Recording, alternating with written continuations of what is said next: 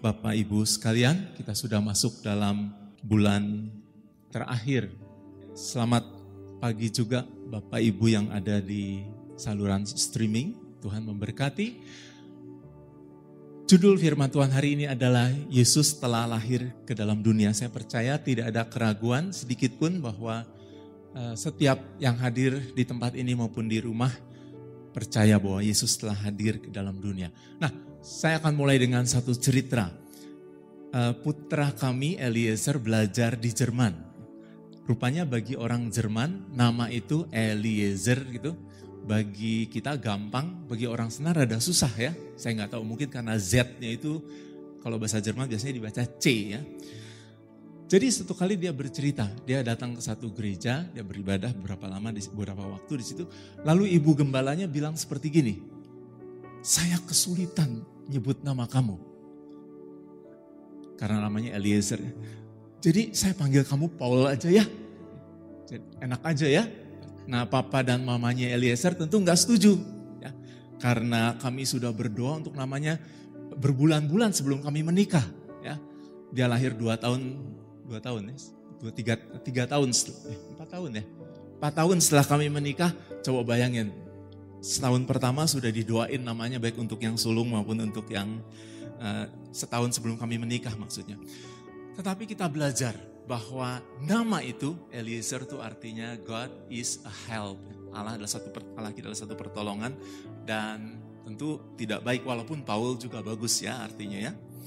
Uh, baik, Nah hari ini kita akan belajar tentang ada beberapa panggilan dan sebutan yang ada di Alkitab kita bagi Tuhan Yesus selama dia berada di dunia ini. Tidak ada keraguan bahwa dia adalah anak Allah. Sebelum dia datang ke dunia, sesudah dia datang ke dunia, selama dia ada dalam dunia maksudnya, dan setelah dia uh, naik ke surga, dia adalah anak Allah. Tetapi ketika dia datang di dunia ini sebagai manusia, ada satu perubahan dan itu kita mau pelajari uh, hari ini. Pertama-tama uh, adalah anak Allah. Sebutan bahwa Yesus adalah anak Allah, son of God. Saya pakai bantu bahasa Inggris untuk menggalinya. Di Alkitab kita perjanjian baru itu ada 40 kali disebutkan. Ya. Dan yang menarik hampir, bukan hampir semuanya ya, hampir semuanya uh, tidak disebutkan dari tidak keluar dari mulut Tuhan Yesus sendiri. Ada yang keluar dari mulut murid-muridnya, ada yang keluar dari yang paling banyak ternyata yang keluar dari mulut orang yang kerasukan. Apakah engkau mau membunuh kami sebelum waktunya? Aku tahu engkau anak Allah yang maha tinggi. Roh jahat juga tahu. Ya. Dan tidak atau sedikit sekali didapati Yesus berkata, aku adalah anak Allah. Jadi di dalam kurungnya itu saya kasih satu lah kira-kira ya. Satu. Sisanya 39 itu mulut orang lain yang menyatakan apa muridnya, apa orang Yahudi, biasanya dalam suasana yang tidak baik. Bahkan uh, apa, panglima, uh, pasuk, kepala pasukan yang menyalipkan dia berkata, sungguh orang ini adalah anak Allah. Tapi dari mulut Yesus sendiri, kalaupun keluar paling hanya satu. Satu kali dia katakan, dia katakan, karena aku berkata, aku anak Allah, masa kamu bilang aku menghujat Allah? Lain daripada itu, tidak pernah keluar ungkapan, aku anak Allah. Sering dia mengatakan, Bapakku. Dan itu dianggap oleh orang-orang, dia menyatakan dirinya anak Allah. Bapakku bekerja sampai sekarang, maka aku pun bekerja juga. Kata Tuhan Yesus ya, aku akan minta kepada Bapak dan dia akan mengirimkan uh, penghibur, roh kudus bagi kita dia menggambarkan hubungan dengan Bapaknya.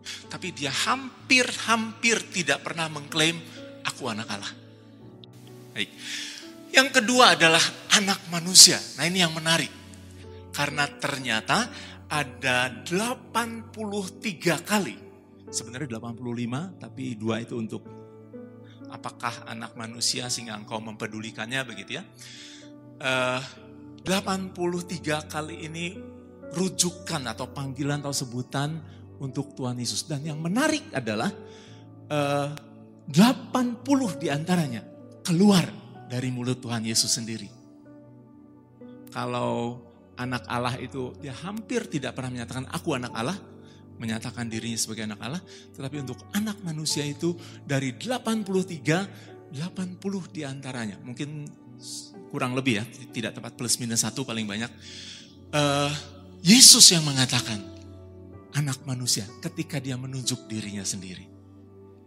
Apabila anak manusia datang, apakah ia akan menemukan iman di bumi? Misalnya seperti apabila anak manusia ditinggikan. Dan dari setiap 80 kali ini, kalau saja Tuhan Yesus mengganti anak manusia dengan aku, semuanya jadi beres. Nggak ada masalah. Apabila aku datang, apakah aku akan melihat iman di bumi ini? Tetapi dia mengatakan aku sebagai anak manusia Tentu tidak semuanya ada. Aku adalah jalan dan kebenaran dan hidup misalnya. Ada ya.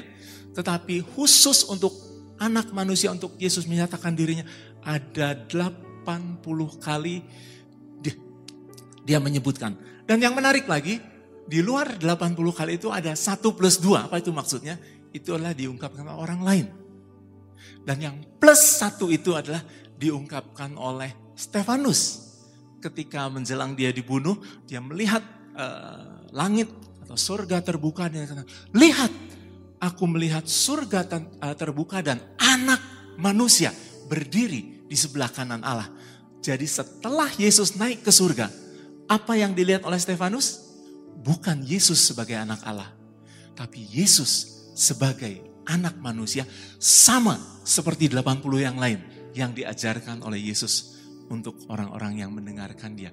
Dua sisanya di mana? Ada yang mau tebak? Dua sisanya ini di kitab Wahyu. Yohanes mengatakan, aku melihat seorang serupa anak manusia. Pasal yang ke-1, pasal yang ke-14, seorang seperti anak manusia. Ketika kami membahas kitab Wahyu, seorang ibu bertanya, kok yang di kitab Wahyu ada serupa, ada sepertinya? Saya tidak bisa jawab. Tapi dalam pertemuan berikutnya saya jawab, satu kata, kata kunci dan ibu ini puas. Kira-kira apa katanya? Pangling. Apa? Pangling. Kalau saya usia 90 tahun, bayangkan Bapak, kalau saya usia 90 tahun, lalu saya bertemu dengan satu orang yang saya pernah taruh kepala saya di dadanya, tapi udah 60 tahun gak ketemu. Lalu saya bertemu orang itu atau saya melihat orang itu dan tidak seperti yang dulu. Dulu dia berpakaian seperti gembala, dan sekarang dia berpakaian seperti seorang raja atau hakim. Dengan mahkota di dadanya, di kepalanya. Pangling. Dan ibu ini langsung puas. Peserta yang lain juga puas ya. Dan Yohanes berkata, maka terkaparlah aku. Maka rebahlah aku, tersungkurlah aku. Sama seperti orang mati. Ketika dia melihat orang yang seperti anak manusia itu. Sampai dia katakan, jangan takut. Baru dia tahu siapa dia. Nah yang ketiga adalah anak domba. Ya, anak domba ini juga menarik. Jadi Yesus nol ya. Pertamanya adalah nol plus dua plus tiga empat artinya apa? Yesus tidak pernah mengklaim atau menyatakan atau mengajar dirinya, aku adalah anak domba. Ya. Dan hanya ada dua orang di dunia ini. Ya sejauh Alkitab kita mencatat yang menyatakan Yesus adalah anak domba Allah. Dan dua-duanya namanya Yohanes. Yang pertama adalah Yohanes Pembaptis, dua kali dia mengatakan, lihat anak domba Allah yang akan menanggung dosa seisi dunia. Yang kedua siapa Bapak Ibu sekalian? Halo? Yohanes dalam dan menariknya lagi yang 34 sisanya ini hanya ada di kitab Wahyu. Dia katakan anak domba yang telah disembeli, anak domba yang duduk di atas tahta, anak domba.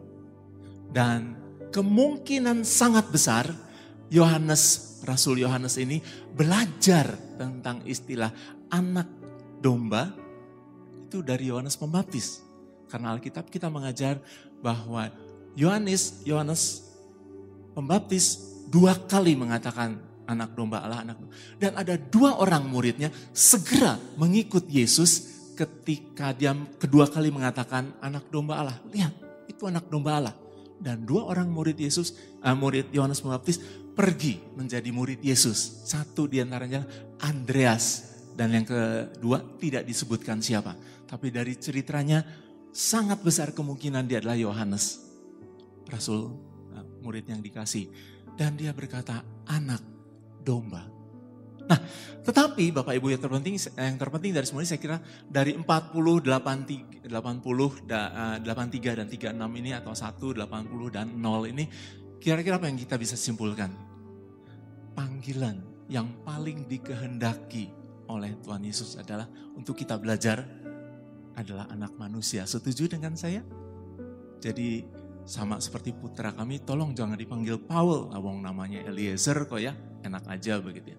Nah Tuhan Yesus menyatakan bahwa dia adalah anak manusia dan saya berdoa supaya setiap kali berikutnya Bapak Ibu membaca anak manusia, Bapak Ibu bisa mengerti apa maksud Yesus mengatakan itu. Dia adalah guru yang terbaik. Dia bisa saja mengatakan aku sebagai ganti anak manusia, tapi dia tidak lakukan 80 kali kurang lebih dia menyatakan anak manusia, anak manusia. Pasti ada maksud dia untuk menyatakan itu. Hari ini kita akan belajar sedikit saja, satu ujung kecil saja dari arti ungkapan anak manusia itu. Kita maju. Hari Selasa yang lalu, hari Senin yang lalu saya dan Ibu Lydia ikut satu KTB dan sebagai peserta tentu ya. Dan di situ dibahas tentang berbagai penyesatan yang terjadi di dalam gereja Tuhan. Hari Selasanya saya memimpin uh, eh, KTB uh, eh, Bapak Ibu dari Kaleb Deborah. Dan kami belajar ayat ini. Dan saya cukup kaget hari Jumat kami saya kami berdua memimpin Pasutri juga dengan uh, tema yang sama dan lebih diperkaya lagi. 1 Yohanes 4 pasal yang 1 Yohanes pasal yang keempat ayat yang kedua, demikianlah kita mengenal roh Allah setiap roh yang mengaku bahwa Yesus Kristus telah datang sebagai manusia berasal dari Allah. Uh, ini cukup mengagumkan. Alkitab mengatakan cara kita mengetes satu roh itu dari Allah atau bukan adalah dengan setiap roh yang mengaku bahwa Yesus Kristus datang sebagai manusia, bukan sebagai anak Allah, sebagai manusia berasal dari Allah. Ayat berikutnya uh, terjemahan kita mengatakan uh, roh yang tidak mengaku Yesus tidak berasal dari Allah. Tetapi dua terjemahan paling tidak, dua terjemahan bahasa Inggris, King James dan Amplified mengatakan seperti ini. Tetapi dan setiap roh yang tidak mengakui bahwa Yesus datang ke dunia sebagai manusia tidak berasal dari Allah. Jadi lengkap ya ayat 1, ayat 2 dan ayat 3-nya. Yang mengakui berasal dari Allah, yang tidak mengakui tidak berasal dari Allah. Saya tidak mengatakan inilah satu-satunya cara untuk mengetes karena Tuhan Yesus mengajarkan dari buahnya, betul? Ya.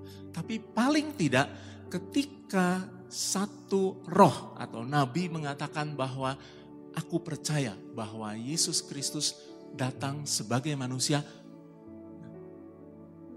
itu udah satu tes centang bahwa dia berasal dari Allah. Begitu kata firman Tuhan. Nah, jadi kita mulai sekarang dengan apa yang dikatakan oleh Yohanes. Pasal 1 ayat yang ke-1, pada mulanya adalah firman, logos. Firman itu bersama-sama dengan Allah dan firman itu adalah Allah. Kita bicara tentang dui tunggal, ya, bukan tritunggal tapi dui tunggal. Katanya sekarang lagi diributkan tentang tritunggal. Saya sih sederhana banget. Dengan satu ayat saya bisa menjawab ada dui tunggal, bukan? Yang ketiganya di mana? Ya Yohanes 14 ayat 6 mengatakan, Aku akan minta kepada Bapa, dia akan mengirimkan kepadamu seorang penolong yang lain, yaitu roh kebenaran. Ya udah ada tiga, udah beres, nggak usah susah-susah ya. Jadi ini duit tunggal. Dikatakan bahwa pada mulanya adalah firman atau logos, dan logos itu ada bersama-sama dengan Allah, dan logos itu adalah Allah. Mereka satu ayat berikut-berikutnya saya tidak sempat kita tidak sempat pelajari, tapi ayat 14 mengatakan dan firman itu telah menjadi manusia.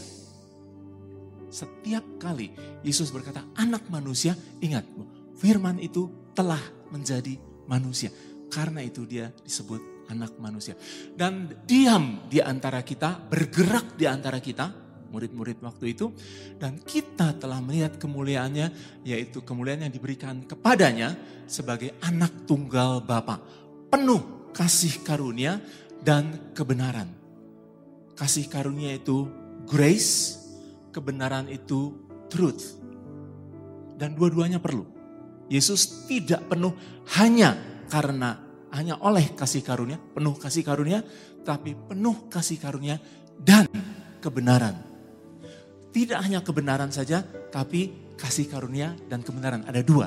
Dan ini kan akan kita pelajari sampai akhir, slide terakhir nanti. Tanpa kasih karunia, kita tidak bisa diselamatkan. Karena kasih karunia, kamu diselamatkan oleh iman. Kasih karunia. Tetapi tanpa kebenaran, kita tidak akan pernah menjadi serupa dengan Kristus. Jadi dua-duanya diperlukan. Bukan hanya kasih karunia, tetapi kasih karunia dan kebenaran. Dan Yesus penuh dengan keduanya itu. Yesusku cukup bagi kita. Amin. Nah, baik. Kalau begitu pertanyaannya, kenapa kok repot-repot amat? Kenapa Tuhan Yesus harus menjadi manusia? Tidak bis, tidakkah memungkinkan bagi dia untuk menebus dosa tanpa dia menjadi manusia? Jawabnya adalah tidak bisa. Kenapa? Nah, bagus yang bertanya kenapa. Banyak jawabnya dan saya berharap kalau Bapak Ibu menggali Alkitab kita mulai hari ini beroleh keberanian untuk meneliti anak manusia dan pasti banyak berkatnya. Kita hanya meninjau sedikit saja. Sebab apa yang, uh, maaf, Roma pasal yang ke-8 ayat yang ketiga, sebab apa yang tidak mungkin dilakukan hukum Taurat karena tidak berdaya oleh daging telah dilakukan oleh Allah dengan jalan mengutus anaknya sendiri dalam daging, yaitu anak manusia. Sebelumnya dia anak Allah, dia adalah Allah, firman logos, logos itu adalah Allah dikatakan, tapi firman itu menjadi daging dan Allah mengutus anaknya sendiri dalam daging yang serupa dengan daging yang dikuasai dosa. Karena sejak zaman Adam, dosa berkuasa atas manusia. Serupa dengan daging yang dikuasai dosa, karena dosa ia telah menjatuhkan hukuman atas dosa di dalam daging. Singkatnya begini Bapak Ibu sekalian, karena Adam berbuat dosa di dalam daging, maka kemenangan atas dosa harus terjadi di dalam daging, bukan di dalam roh. Dan itu sebabnya logos firman Allah yang adalah roh harus menjadi daging. Supaya dia bisa menanggung, supaya dia bisa mati, supaya dia bisa menderita. Dan saya ingin mengatakan ketika anak Allah menjadi anak manusia, maka dia tidak lagi menggunakan akses atau privilege-nya atau kelebihannya sebagai anak Allah ketika dia hidup di dunia ini. Dengan kata lain, dia hidup sama seperti kita hidup. Nah, Injil Matius mengatakan sesaat sebelum dia masuk ke dalam pencobaan, maka Yesus penuh dengan roh, dibawa oleh roh ke padang gurun untuk dicobai. Dan itu yang bisa terjadi dengan kita. Walaupun pada saat itu roh kudus belum dinyatakan bagi orang-orang yang ada pada saat itu. Tapi sudah dinyatakan bagi kita. Jadi karena Adam berbuat dosa di dalam daging, maka siapa pun yang mau menjadi penebus harus tinggal di dalam daging. Sama seperti Adam. Ada satu contoh, ini adalah peta. ya. Ini adalah uh, Inggris, Nah, di situ ada ibu kotanya London. Kami tinggal di sini kira-kira. Satu lintang dengan London tapi 400 km ke sebelah barat. Nah, di sebelah timurnya itu ada satu selat seperti selat Sunda antara Merak dengan Bakauheni. Uh, ini selat Inggris namanya atau English Channel ya, selat selat Inggris. Jaraknya juga sama, hampir sama seperti selat Sunda. Di sana 34 km, selat Sunda itu saya lihat 36 km, kurang lebih sama. Dan sampai kurang lebih 150 tahun yang lalu, selat ini tidak terseberangi. Tentu orang sudah pakai kapal untuk berlayar dan sebagainya, tapi maksudnya tidak terseberangi dengan cara berenang. Ya. Tidak terseberangi uh, dengan oleh oleh seorang manusia pun di dalam daging, bukan dalam roh. Kalau dalam roh mungkin bisa. Ya. Dalam daging tidak terseberangi. Sampai pada tanggal 25 Agustus tahun 1875. Ya, jadi hampir 150 tahun yang lalu, kurang 2 tahun. Seorang yang bernama Matthew Webb berhasil menyeberangi selat ini dengan berenang. 21 jam lebih lamanya tanpa bantuan alat. Ya, sebelumnya ada orang menyeberang tapi dibantu pakai pelampung. Jadi kalau pakai pelampung tuh agak agak curang ya. Dia nggak usah ngambang lagi, tinggal maju aja begitu ya. Nah, dia orang pertama yang menyeberangi selat ini tanpa bantuan alat. Dan hari itu, 25 eh, Agustus 1875, statusnya berubah. Selat ini 34 km, tadinya statusnya tidak terseberangi oleh manusia, belum pernah diseberangi oleh manusia dengan cara berenang, maka sejak hari itu sudah dan untuk membuktikan bahwa itu dahsyat, peristiwa itu dahsyat, 36 tahun lamanya. Rekor itu bertahan. Baru tahun 1911 itu disamai. Jadi 36 tahun bertahan luar biasa ya. Nah, eh, itu rekor kan. Ada perubahan status. Tadinya tidak terseberangi menjadi terseberangi. Tapi kalau kemudian misalnya ya, misalnya terbukti bahwa si orang yang namanya Matthew Webb ini pakai alat bantu. Dia pakai roket di dalam perutnya supaya ketika dia berenang dibantu didorong gitu. Apa yang terjadi Bapak Ibu sekalian? Rekor itu diskualifikasi bukan? Tidak jadi bukan? Karena curang dia pakai alat bantu. Misalnya ini ya. Akibatnya rekornya kembali seperti dulu, tidak terseberangi begitu kan? Karena terbukti yang pernah menyeberangi ini pakai alat bantu yang tidak sah begitu ya. Nah kira-kira seperti itu. Kalau Yesus datang ke dunia ini, dia bergerak, dia hidup, dia taat, dia sampai mati di kayu salib dengan pertolongan, kekuatan, keilahiannya, itu namanya curang. Syarat penggenapan hukum Taurat harus ada yang dihukum dalam daging itu tidak dipenuhi. Karena meskipun Yesus tinggal dalam daging, tapi dia menggunakan fasilitas kealahannya untuk menang. Itu sebabnya ketika dia tinggal jalan bergerak di dunia, dia bisa haus, dia bisa lapar, dia bisa takut, dia bisa dia lelah oleh karena perjalanan. Dan Filipi mengatakan, dia tidak menganggap kesetaraannya dengan Allah sebagai milik yang harus dipertahankan, tetapi ia telah mengosongkan dirinya, mengenolkan dirinya. Artinya sebagai manusia biasa, sama seperti kita. Itu yang kita pelajari. Ini baru awalnya. Baik, kembali pada pertanyaan yang tadi, mengapa Tuhan Yesus harus menjadi manusia? Satu Korintus mengatakan karena sama seperti semua orang mati dalam persekutuan dengan Adam, demikian pula demikian pula semua orang akan dihidupkan kembali dengan persekutuan dalam persekutuan dengan Kristus. Tetapi untuk hal ini terjadi, maka Kristus ini harus menjadi serupa dengan Adam. Artinya apa?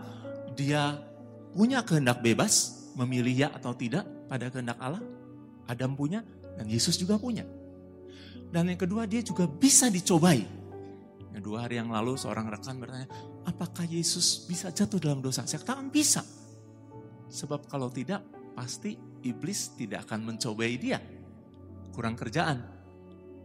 Iblis tahu bahwa Yesus bisa dicobai dan bisa jatuh. Dan Alkitab menyatakan demikian. Cuma dia tidak berbuat dosa.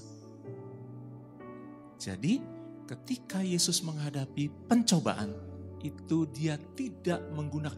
Walaupun iblis mengatakan jika engkau anak Allah, jadikanlah uh, batu ini menjadi roti.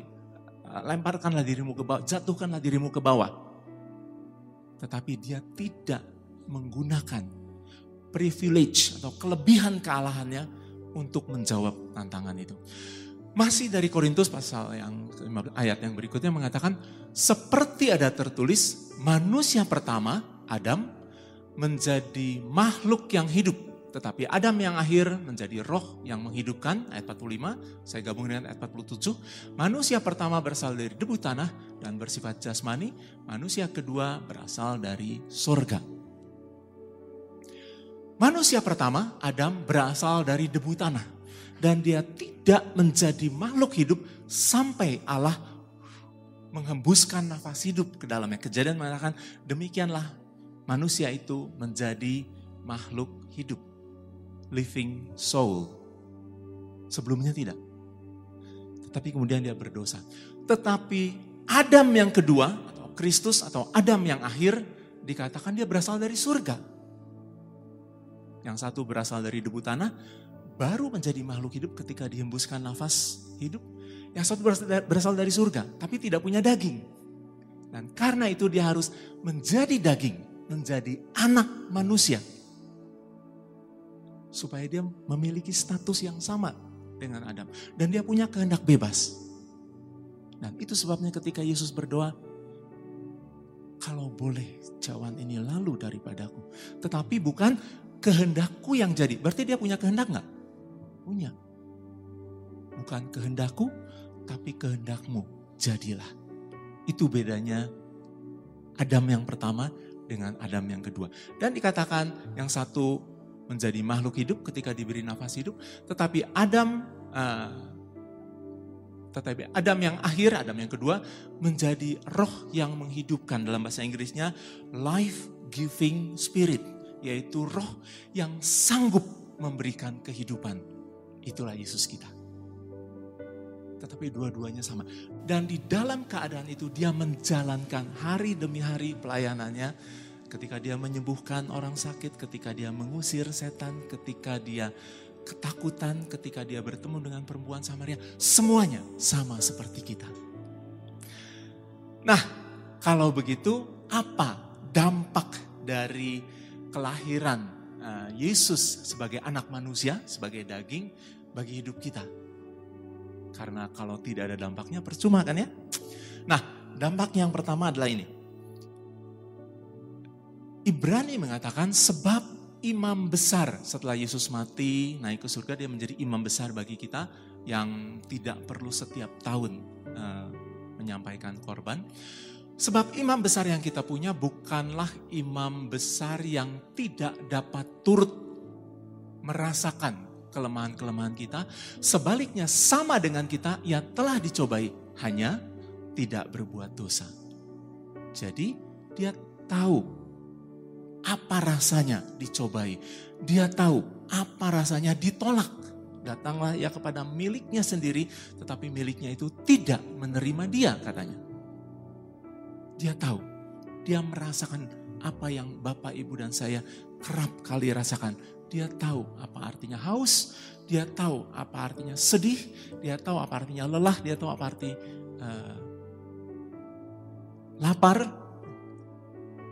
Nah, apa dampaknya bagi kita? Satu ayat setelahnya, sebab itu marilah kita dengan penuh keyakinan menghampiri tahta kasih karunia supaya kita menerima rahmat dan menemukan kasih karunia, grace, untuk mendapatkan pertolongan kita pada waktunya. Keberanian di sini bukan berani kurang ajar ya. Terjemah, satu terjemahan mengatakan dengan penuh keyakinan. Kenapa? Karena kita percaya pada janjinya.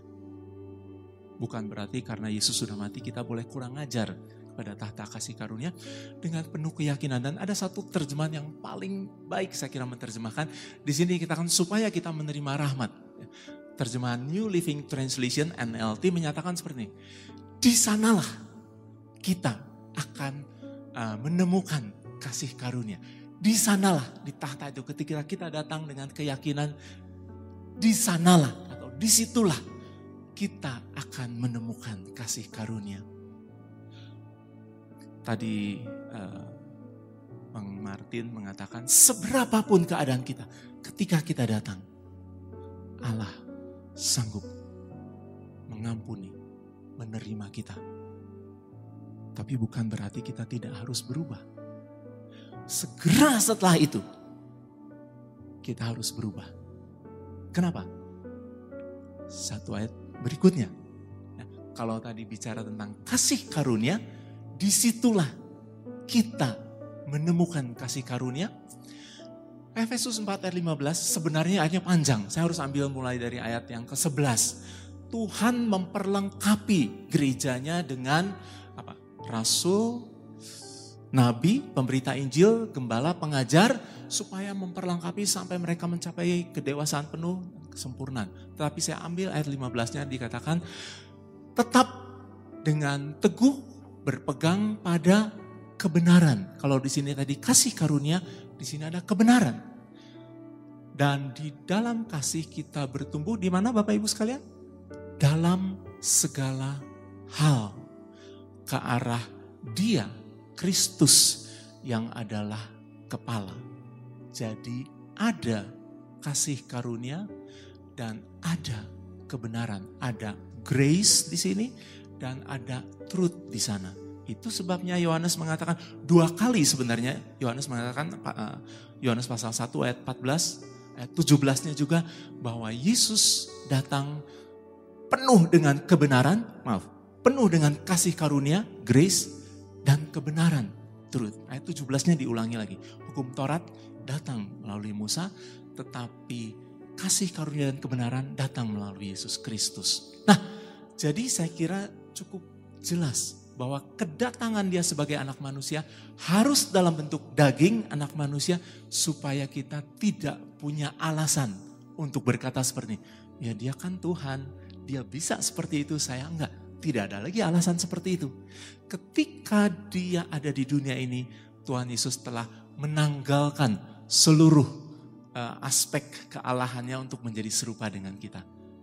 Dan kalau kita memberi diri kita dipimpin oleh Roh Kudus, kita juga bisa menjadi seperti dia. Ya, tiga hal yang terakhir, hal praktis sekarang, uh, belajar bertanya, uh, berpikir secara pribadi dalam hal apa saja saya belum serupa dengan Kristus. Jawabnya pasti banyak, jadi nggak usah dipamerkan. Cukup dalam doa, senyap dalam kamar, karena kalau ada orang lain biasanya kita malu ya. Jadi berdoa, pasti banyak. Dan yang kedua ini adalah jaminan jawaban doa Bapak Ibu sekalian. Kenapa? Karena kalau Bapak Ibu lakukan pasti Tuhan jawab. Tidak bisa tidak. Cuman masalahnya Bapak Ibu mau dengar atau enggak. Nah itu masalahnya. Jadi saya tulis berdoa dan siap melakukan. Pertanyaan ini, Tuhan perubahan apa yang engkau inginkan dalam hidup saya hari ini atau sekarang ini. Agar saya menjadi serup, lebih serupa dengan Kristus. Saya katakan sekali lagi, pasti Tuhan jawab. Tapi apakah terjadi atau tidak serupa dengan Kristusnya tergantung Bapak Ibu. Kalau Bapak Ibu mau melakukan, disuruh tinggalkan ya tinggalkan, disuruh tanggalkan ya tanggalkan, disuruh lakukan ya lakukan, pasti Bapak Ibu maju. Jadi kuncinya bukan sama Tuhan, kuncinya ada di kita. Barang siapa ingin mendengar jawaban doa, berdoa seperti ini. Ya. Tetapi konsekuensinya berat, harus melakukan. Dan yang terakhir, belajar Uh, kalau tadi yang lakukan yang pertama ini sendiri, belajar terbuka uh, dengan saudara seiman yang kita percayai tentang kondisi kita. Eh tolong, saya ini perlu dibantu dalam hal ini. Itulah yang bisa uh, memenangkan kita.